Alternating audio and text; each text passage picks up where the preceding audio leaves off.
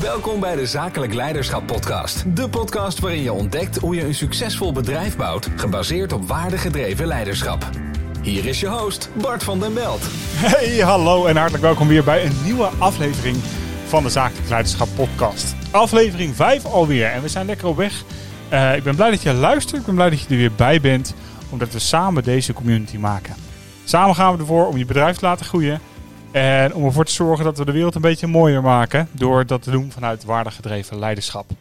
Vorige week hebben we het gehad over hoe je trouw blijft aan jezelf in een wereld die gaat over performance. En als je die niet hebt geluisterd, wil ik je adviseren om die absoluut te luisteren. Want dan vertel ik je een stuk van mijn zoektocht en de antwoorden die ik heb gevonden. Hoe je trouw kunt blijven aan jezelf in een wereld die gaat over geld en omzet en resultaten en KPI's. Deze week gaan we het hebben over de zes niveaus van financiële vrijheid de zes fases die je doorgaat als mens, als ondernemer, om financieel vrij te worden. En het leuke van deze aflevering is dat het een, uh, een onderdeel is uit ons programma De Zakelijk Succesformule. Dat, dat is een programma voor starters wat we hebben vanuit de Zakelijk Succesacademie. En in twaalf modules leggen we daar stap voor stap voor stap aan een ondernemer uit hoe die zijn bedrijf opzet en laat groeien en et cetera. En in module 11, dat gaat over, of sorry, module 12 gaat over financiële vrijheid hebben we één module, 12.1, die gaat over de zes niveaus van financiële vrijheid. En die, die module vind ik zo waardevol om te delen, dat ik denk dat, um, ja, ik denk dat heel veel mensen er behoefte aan hebben, maar dat niet alleen, dat je er echt door geholpen bent ook. Het is de conclusie van het spreken met vele ondernemers over financiële rust, financiële vrijheid. Um, het is een conclusie van mijn eigen proces. Het is een conclusie van de verschillende boeken, vele boeken die ik heb gelezen over financiële vrijheid. En um, het is ook de samenvatting van hoe ik geloof dat we een economie bouwen gebaseerd op waarde. Dus de zes fases van financiële vrijheid gaat je concreet en praktisch uitleggen hoe je stap voor stap voor stap financieel vrij kunt worden. En ik hoop dat je er wat aan hebt. Als je nog niet hebt geabonneerd op deze podcast, uh, doe dat dan gelijk eventjes op de plek waar je bent. Of je het nou in Spotify of in Google luistert of in gewoon iTunes. Uh, abonneer je eventjes op de podcast, zodat je elke week een update krijgt op het moment dat die live is. En we hebben ook een YouTube kanaal, bartvandebelt.nl. Uh, sorry, youtube.com slash bartbelt. Je kan ook tikken bartvandebelt.nl slash YouTube. Dan ben je er ook. Allebei is oké. Um, we gaan nu naar de opnames van de zes niveaus van financiële vrijheid. Ik wens je heel veel plezier en ik hoor je daarna nog eventjes terug. Tot zo. Financiële vrijheid is iets waar heel veel ondernemers naar streven. Maar er zijn zoveel mythes over. Er zijn zoveel gedachtegangen over wanneer ben je dan financieel vrij? En moet je een money mindset hebben? Ik krijg al jeuk van het woord. Nee. Nee, je hoeft geen money mindset te hebben. Sterker nog, dat kan je tegenhouden om financieel vrij te worden. Ik geloof meer in een value-driven mindset. Dat is een van de boeken die ik aan het schrijven ben. Een waardegedreven mindset waarin als jij waarde levert aan de markt, en een verschil maakt voor de mensen om je heen. En vervolgens een goede renmeester bent over je financiën, de weg naar financiële vrijheid voor je open ligt. En je bent niet van de een op de andere dag financieel vrij. Er zijn gewoon stappen die je moet zetten. Sterker nog, er zijn verschillende fases waar je doorheen moet. En de grootste groei in financiële vrijheid is misschien niet praktisch, niet de strategie, hoe doe ik het, maar misschien wel de psychologie. Want jij hebt waarschijnlijk, net als heel veel andere mensen, allerlei stemmetjes in je hoofd die iets zeggen over geld. Je hebt een bepaalde overtuiging over geld. Je hebt bepaalde mentale regels vastgesteld. Als ik heel rijk ben, dan. Als dit, dan dan. En die regels die jij voor jezelf hebt vastgesteld, onderbouw je ook nog eens een keer door allerlei inner voices, innerlijke stemmetjes die uit het verleden komen. Wat ouders tegen je hebben gezegd, doe maar gewoon, dan doe je al gek genoeg. wij zijn niet rijk en wij zullen nooit rijk worden spullen heb ik niet, maar geld. Of geld heb ik niet, maar spullen. Meestal is het de laatste. Al die stemmetjes en al die overtuigingen die je tegenhouden om financieel vrij te worden, daar zit in de meeste gevallen de echte bottleneck voor financiële vrijheid. En de tactiek, die komt eigenlijk daarna pas. Dus als we gaan kijken naar de stappenplannen, het stappenplan over hoe je financieel vrij wordt, dan is het goed om je te realiseren dat je harder moet werken aan jezelf dan aan je financiële vrijheid. Jim Rohn zei dat altijd zo mooi. Jim Rohn was de mentor van Tony Robbins. Die zei: Work harder than on yourself than on your job. En dat is echt de realiteit als je financieel vrij wil worden. Je hebt de interne bezwaren, jouw glazen wanden om van de ene fase naar de andere fase te overwinnen om de stap te zetten naar financiële vrijheid. En een lat van financiële vrijheid is daarbij dus voor iedereen anders. Als ik kijk naar waar ik ben opgegroeid, ik ben opgegroeid bij, bij mijn moeder. Ik ben twaalf keer verhuisd in de eerste acht jaar van mijn leven, twee pleeggezinnen gewoond. Groot stuk van mijn leven, zeker van mijn puberteit, heb ik bij mijn moeder gewoond. En mijn moeder zat in de bijstand en zit nog steeds in de bijstand. Die zou wel willen werken. Die doet vrijwilligerswerk. Die heeft verschillende banen geprobeerd en vastgehouden. Maar door haar persoonlijke uitdagingen lukt het haar niet om dat vast te houden. En toch, als ik naar mijn moeder kijk, is het een van de meest vrijgevige personen die er is. Het is iemand die altijd wil delen. Het is iemand die door schade en schande heeft geleerd om haar financiën te beheren. Het kleine beetje wat ze heeft, op zo'n manier te managen dat ze elke maand uitkomt. En ik heb zeer veel respect hoe zij ermee omgaat. En wat zij altijd zegt is, Bart, we hebben zoveel om dankbaar voor te zijn. waarom zou ik klagen over, over dat ik tekort heb? Ik heb zoveel om dankbaar voor te zijn. En haar houding is volledig een houding van dankbaarheid. En de grap is dat als ik kijk naar mijn moeder en hoe zij in het leven staat en hoe zij omgaat met financiën, is haar manier van denken over financiële vrijheid is bevrijdender dan vele ondernemers die volledig financieel vrij zijn, maar emotioneel failliet. Ik, eh, ik, weet nog een paar jaar geleden dat ik een ondernemer die coachte, die woonde in Zeeland in een mooi vrijstaand huis. Had drie auto's voor de deur, deur Land Rover, Lamborghini en een Ferrari. Prachtige auto's, um, maar zag zijn kinderen één keer per twee weken, was gescheiden inmiddels voor de tweede keer en emotioneel gewoon failliet. Nu is de vraag, welke is rijker? iemand die in de bijstand zit, die zegt ik ben dankbaar voor wat ik heb. Of iemand die zegt het is nooit genoeg. En ik denk dat we beide het antwoord wel weten.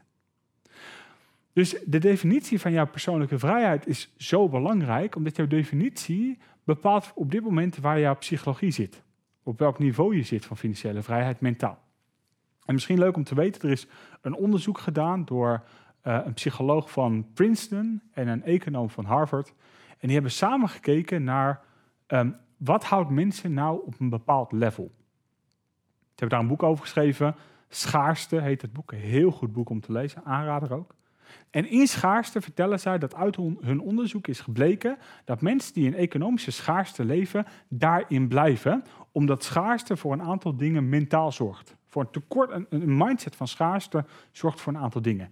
Eén, het executieve vermogen is minder. Met andere woorden, uit onderzoek blijkt dat mensen die schaarste hebben, zijn minder in staat om vooruit te denken en te plannen, eh, omdat ze zeer korte termijn leven. Dus ze, ze, vinden het heel moeilijk om vooruit te kijken. Uh, twee, het liquide, de liquide intelligentie is verminderd. Dus de, de mogelijkheid om problemen op te lossen is bij, bij mensen in schaarste is een stuk moeilijker, want problemen lijken veel groter. In plaats van als je geld hebt en je hebt alle ruimte en je weet dat je een backup op hebt, dan is het makkelijker om om die problemen heen te gaan of er doorheen te gaan. En de derde is dat de sociale groep waarin ze zich bevinden vrijwel altijd gelijk blijft. Dat zie je ook in India, in het kastensysteem. Het is bijna niet mogelijk om cultureel gezien van de ene kast naar de andere kasten te gaan, omdat dit is waar je geboren bent en zo ben je gemaakt. En terwijl ik dat zeg, komt er misschien gelijk een stemmetje in je hoofd. Als je voor een dubbeltje geboren bent, dan.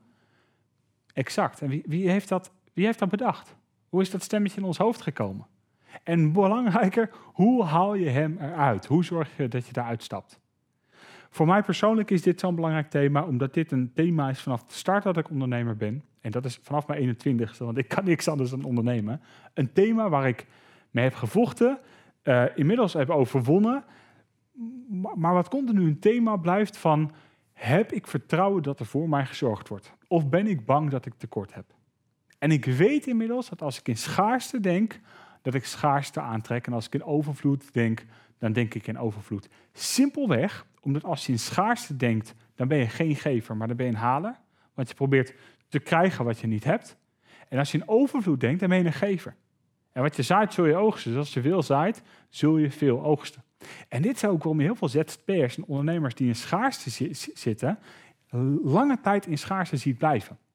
Ze zijn geneigd om elke klant aan te nemen. Alle hoofdpijnklanten, de C-klanten, die nemen ze aan, want het levert geld op. Ze, ze blijven bezig met de dingen doen waarvan ze weten dat ze niet meer zouden moeten doen, de opdrachten, want dat levert geld op.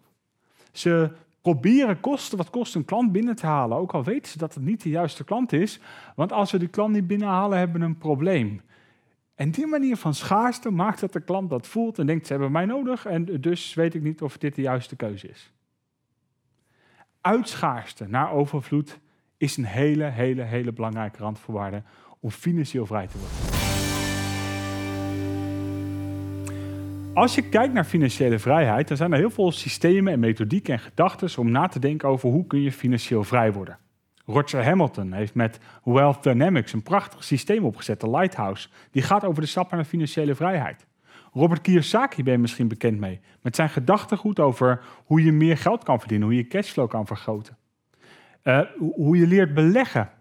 Uiteraard Femke Hogema met Profit First heeft een gedachte over hoe je financieel vrij kunt worden. In ieder geval hoe je ervoor kan zorgen dat je winst gaat maken. Als je kijkt naar alles wat er geschreven is over financiële vrijheid, dan zie je eigenlijk dat elk boek wat ooit geschreven is in een van de volgende drie segmenten valt. Als je financieel vrij wil worden, zijn er slechts drie competenties die je moet leren. Competentie 1. Leren geld te verdienen. Elk boek over financiële vrijheid gaat over het verhogen van je inkomsten. En het verhogen van je inkomsten gebeurt al door twee dingen. Ofwel zorgen dat je assets creëert, zorgen dat je dingen creëert die geld opleveren, of, ofwel zorgen dat je je verdiencapaciteit verbetert.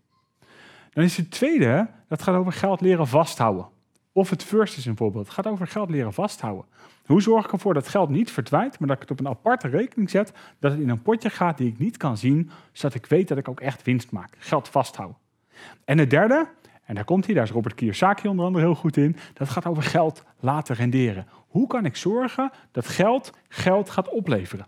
En Kevin O'Leary, misschien ken je hem van Shark Tank, die zegt dan altijd: Ik zie geld als een leger. Elke dollar is een lege poppetje en ik stuur ze weg om een ander lege poppetje te veroveren en dan weer terug te komen naar de basis. Dat is mijn bankrekening. Vind ik een mooie gedachte over geld. Dus geld leren verdienen, geld leren vasthouden, geld laten renderen. Eerste vraag die ik heb is: hoe scoor je op de eerste? Geld verdienen. Wat is jouw verdiencapaciteit? Is dat een 1 of een 10? Waar zit je op die schaal? Tweede is geld leren vasthouden. Krijg je geld binnen en zie je dat je liquiditeit, je bankrekening groeit en stijgt, dat je meer geld overhoudt? Of verdwijnt het weer? En verdwijnt het dan in consumptieve uitgaven, gewoon zomaar in het niks? Of verdwijnt het in iets wat een asset is en weer geld oplevert? En het derde is, hoe goed ben je geld laten renderen? Investeer je geld op zo'n manier dat je dingen creëert om je heen die renderen, die geld opleveren. En dan zou je kunnen zeggen, wat je zou kunnen doen Bart, is gewoon geld lenen. Er is zoiets als goede schuld en slechte schuld. Ja, dat is absoluut waar. Je, je kan absoluut geld lenen. En er is zoiets als goede schuld en slechte schuld. Slechte schuld is schuld voor consumptieve goederen. Dat is dat je iets leent, zodat je een vakantie kan kopen of een auto kan kopen. Of zodat je uh, iets kan kopen wat jij gaaf vindt, maar wat niet bijdraagt aan je verdienvermogen. Dat is slechte schuld. Goede schuld is iets waar iets tegenover staat. Dat is bijvoorbeeld een hypotheek waar een huis tegenover staat. Hou in de gaten, in beide gevallen is het schuld. Het is iets wat je moet terugbetalen. Slechte schuld en goede schuld moet je terugbetalen. Is het handig om dan te lenen?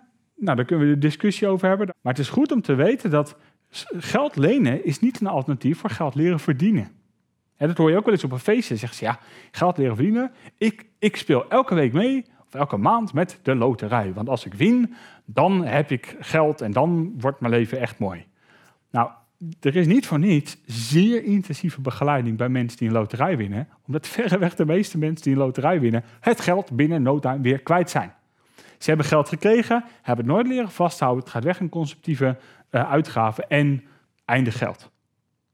Dus alle drie de dingen zijn noodzakelijk. Geld leren verdienen, of je nou kan lenen of niet, geld leren verdienen is belangrijk. Geld leren vasthouden is belangrijk. Je liquiditeit vergroten, liquiditeit stuurstof voor je onderneming. En geld laten renderen. En de vraag is, waar ben je heel goed in en waar ben je niet goed in? Als je alle drie lager dan een 5 scoort, heb je ook iets, dat is een probleem.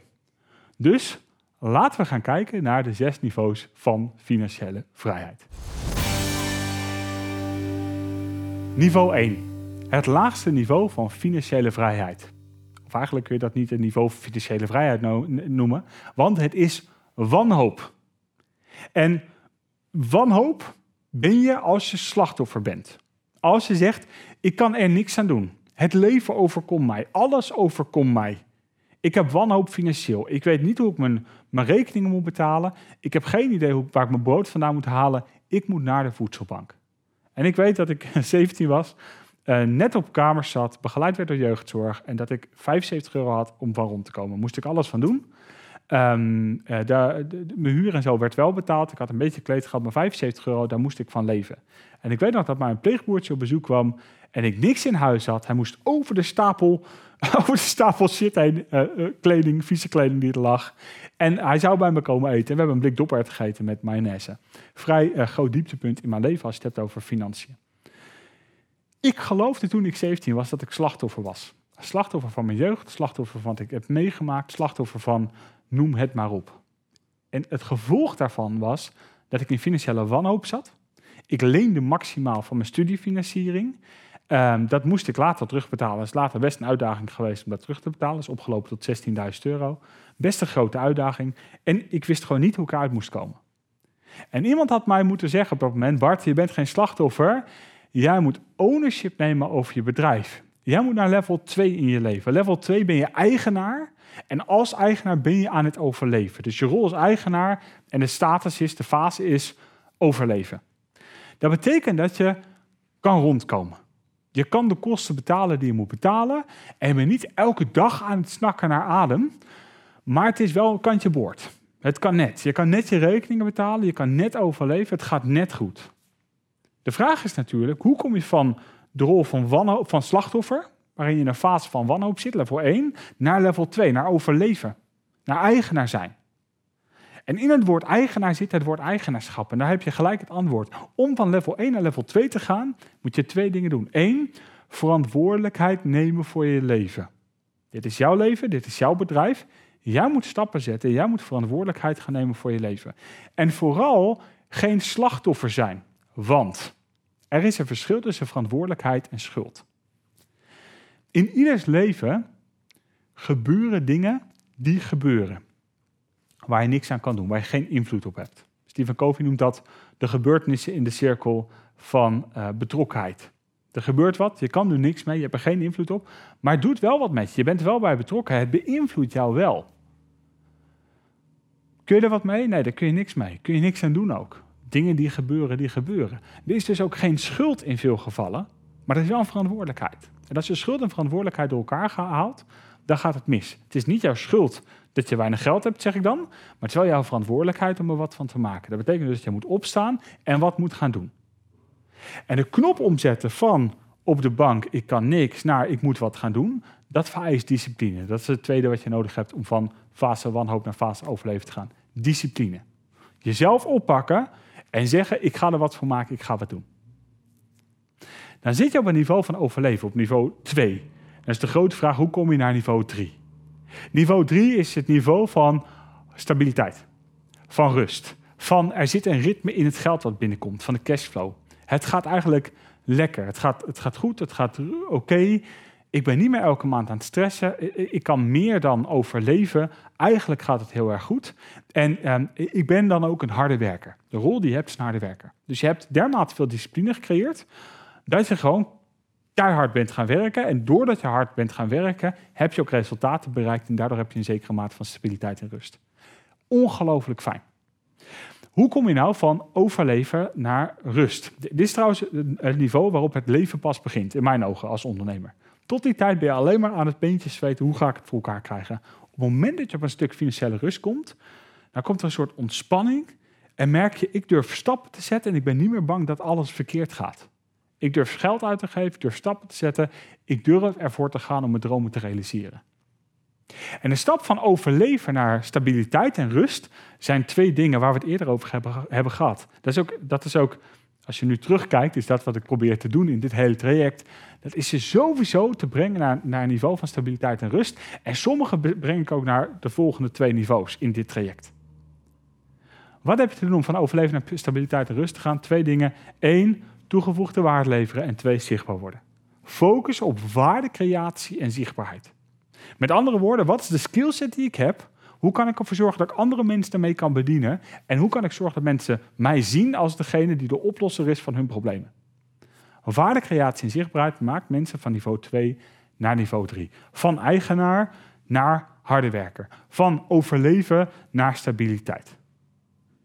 En dan is de volgende fase, niveau 4, is groei. Groei. En groei is eigenlijk een, een soort overgangsfase. Groei is de overgangsfase naar niveau 5 is overvloed. Groei is de overgangsfase waar je van de harde werker, waar jij degene bent die discipline heeft, en extra uren maakt en meer uren maakt en uur ma meer uren maakt, naar de slimme werker gaat. Dat je, dat je dingen slimmer aanpakt, niet meer alles zelf doet. Dat je economische hefbomen inzet, komen we later op terug. Je gebruikt je economische hefbomen om binnen dezelfde tijd meer te realiseren. En de snelste manier om van stabiliteit en rust naar groei te gaan, is door samenwerkingen en partnerships aan te gaan. Samenwerking in je team. Kun je een team om je heen verzamelen die dingen van je overnemen, die je ondersteunen, die je helpen om stappen te zetten. Kun je partners vinden die jou actief gaan promoten of die een hefboom zijn om bij een bedrijf binnen te komen. Samenwerking en partnerships, dat is de sleutel naar, uh, om van, van, van stabiliteit en rust naar groei te gaan. En dan zit je in groei en dan is de stap naar overvloed heel klein. De, de grootste stap is, is van wanhoop naar overleven. Dat is het allermoeilijkste. Van overleven naar stabiliteit is iets makkelijker. Van stabiliteit naar groei is nog iets makkelijker. Van groei naar overvloed is misschien nog wel een makkelijkere stap. En wat er gebeurt is dat elke laag bouwt voort op de volgende laag. Het is ook goed om te realiseren dat de tussenstappen moet je ook blijven doen. Je mag dus niet zeggen in één keer, nou ik zit nu op level groei, ik neem geen verantwoordelijkheid meer aan discipline. Of ik stop met de waardecreatie en zichtbaarheid. Of ik stop met samenwerking en partnerships. Nee, dat moet je blijven doen, wil je naar het volgende niveau gaan. Al, alle skillsets en alle, alle mindsets die je op lage niveaus hebt aangeleerd, moet je blijven continueren om naar het volgende niveau te gaan. En daarom zegt John Maxwell ook altijd, the, uh, every success worthwhile is uphill. Alles wat je wil bereiken is de top naar boven. En dat is best wel heel moeilijk, want er zijn maar weinig mensen die elke niveau kunnen oppakken, integreren en meenemen. Maar dit is wat je te doen hebt. Verantwoordelijkheid en discipline blijven nemen. Waardecreatie en zichtbaarheid. Waarde blijven creëren. Zorgen dat je werkt in je marketing en sales. Samenwerking en partnerships aangaan. Een team bouwen en gaan samenwerken. En dan ben je aan het groeien. En om dan de stap te maken naar level 5, overvloed. Vanuit de rol van leider, leider over je leven, leider over je bedrijf, leider over je geld, financieel leiderschap, moet je zorgen dat je een hefboom creëert. Moet je zorgen dat je systemen en processen inricht. Systemen en processen zorgen ervoor dat je meer kunt bereiken in minder tijd. En je moet ervoor zorgen dat je een systeem creëert wat zo werkt dat andere mensen kunnen produceren binnen het systeem wat jij hebt gecreëerd. Jij moet zorgen dat andere mensen voor jou gaan werken binnen het systeem waar jij eigenaar van bent. Op het moment dat je dat doet, ga je overvloed krijgen, maar ga je ook verantwoordelijkheid krijgen, want je hebt de rol van leider gekregen. Je hebt in één keer, eh, je hebt in één keer keuzes te maken die je vroeger niet maakte. Je hebt uitdagingen aan te gaan die je vroeger niet aanging. Je hebt mensen aan te spreken omdat dingen niet functioneren. Je moet tijd investeren in de relaties, in mensen opbouwen, mensen in hun kracht zetten. En dat kost echt heel veel van jezelf, want tot deze tijd ben je altijd alleen maar bezig geweest met jezelf. Nu moet je de shift maken van alleen maar bezig zijn met jezelf naar de ander verder helpen, de ander in dienst zetten, zodat zij weer in dienst zijn van jou. En mentale knop die je moet zetten om van een slimme werker naar een leider te gaan, is ook wel dat niet iedereen heeft een grote droom. Er zijn heel veel mensen die hebben een hele grote droom voor hun leven. Wat fantastisch is. Als ondernemer ben jij waarschijnlijk zo iemand. Je hebt een grote droom voor je leven. Of in ieder geval een B-hack, een Big Harry Audacious Goal. Een, een volgende stap voor de komende vijf jaar. Iets waar je naartoe wilt. Maar realiseer je ook dat er heel veel mensen zijn die een volledige voldoening vinden in het meebouwen aan de droom van een ander. Er zijn heel veel mensen, dat ook met gedragsprofielen te maken, die niet zelf een grotere droom hebben, die het best in de kracht staan als ze meebouwen aan de droom van een ander. En aan jou de taak als leider om te kijken, hebben zij een droom? Hoe kan ik hun helpen met het realiseren van hun droom? En hoe kan ik zorgen dat ik ze opbouw en in hun kracht zet in het proces? Als je slimmer werken bent en je zit in een groeifase, je gaat naar de rol van leider, overvloed, moet je dus systematiseren en delegeren. Proces inrichten, systeem inrichten en zorgen dat je dingen zoveel mogelijk overdraagt, gebaseerd op het team wat je al hebt gebouwd. En dan kom je bij het niveau van vrijheid. Het hoogste niveau, niveau 6. Financiële vrijheid. De rol van investeerder.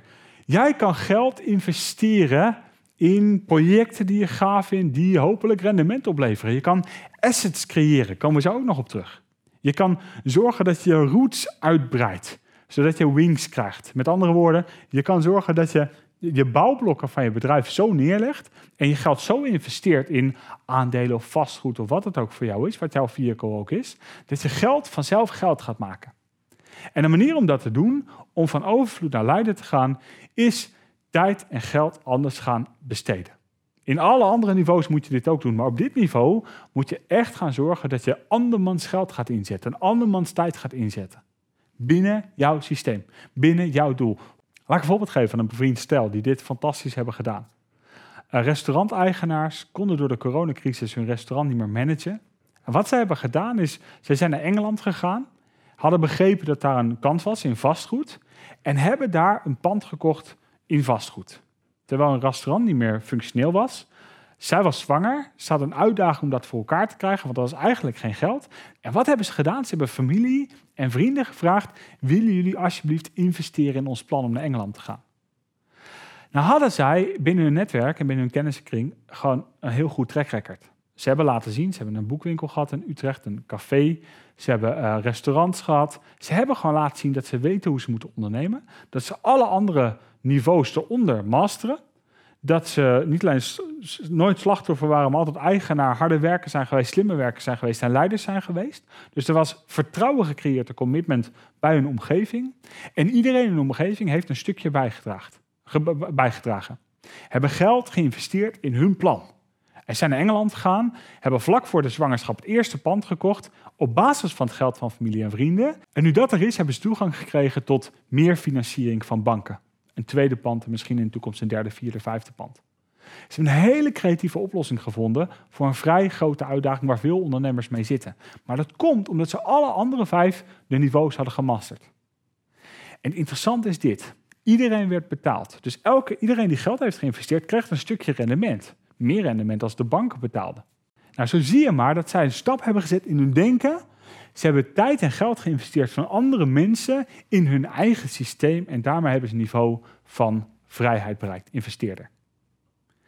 En dan zou je kunnen zeggen, is er nog een zevende niveau? Is er een niveau van financiële onafhankelijkheid? Is dat er? Dat is een vraag. Mijn antwoord is nee. Er zijn wel eens mensen die zeggen, ja maar, maar Bart, na financiële vrijheid komt toch financiële onafhankelijkheid? Nee. nee, dat is een fabeltje. Iedereen die zegt dat je financieel onafhankelijk kan worden, geeft te weinig credit aan datgene wat groter is dan ons, aan het leven wat op hun pad is gebracht, aan de kans die op hun pad zijn gebracht, aan de markt om hen heen, aan de team om hen heen, aan hun gezin. Ik ben niet financieel onafhankelijk, ik zal het nooit worden. Ik ben afhankelijk van het pad wat God voor mij uitstippelt. Ik ben afhankelijk van mijn gezin of ze in me geloven en ondersteunen. Ik ben afhankelijk van mijn klanten die elke keer weer ja zeggen. Het is alleen dankzij mensen in mijn omgeving, dankzij de kans die ik heb gehad, dankzij het feit dat ik in Nederland geboren ben en al deze mogelijkheden heb, dat ik kan doen wat ik wil doen op een manier waarop ik financiële vrijheid ervaar. Financiële onafhankelijkheid is een fabeltje en wil daar ook niet naar streven. Streef naar financiële vrijheid. Financiële vrijheid is in staat zijn om ochtends wakker te worden en je eigen keuzes te kunnen maken. En die keuzes kunnen ook zijn keihard werken en gewoon waarde creëren. Dat kan best een keuze zijn. Niet iedereen die financieel vrij is, hoeft in een hangmat ergens op een strand te liggen met vier uur werk per week, zoals Tim Ferriss dat heeft gedaan. Je kan financieel vrij zijn en gewoon keihard willen werken. Ik denk dat ik nooit stop met werken. Dat waardecreatie, het verschil maakt dit zo diep in mij. Dit is waarvoor ik ben gemaakt. En ik zou, ik zou nooit stoppen met werken, ook niet als ik financieel vrij ben.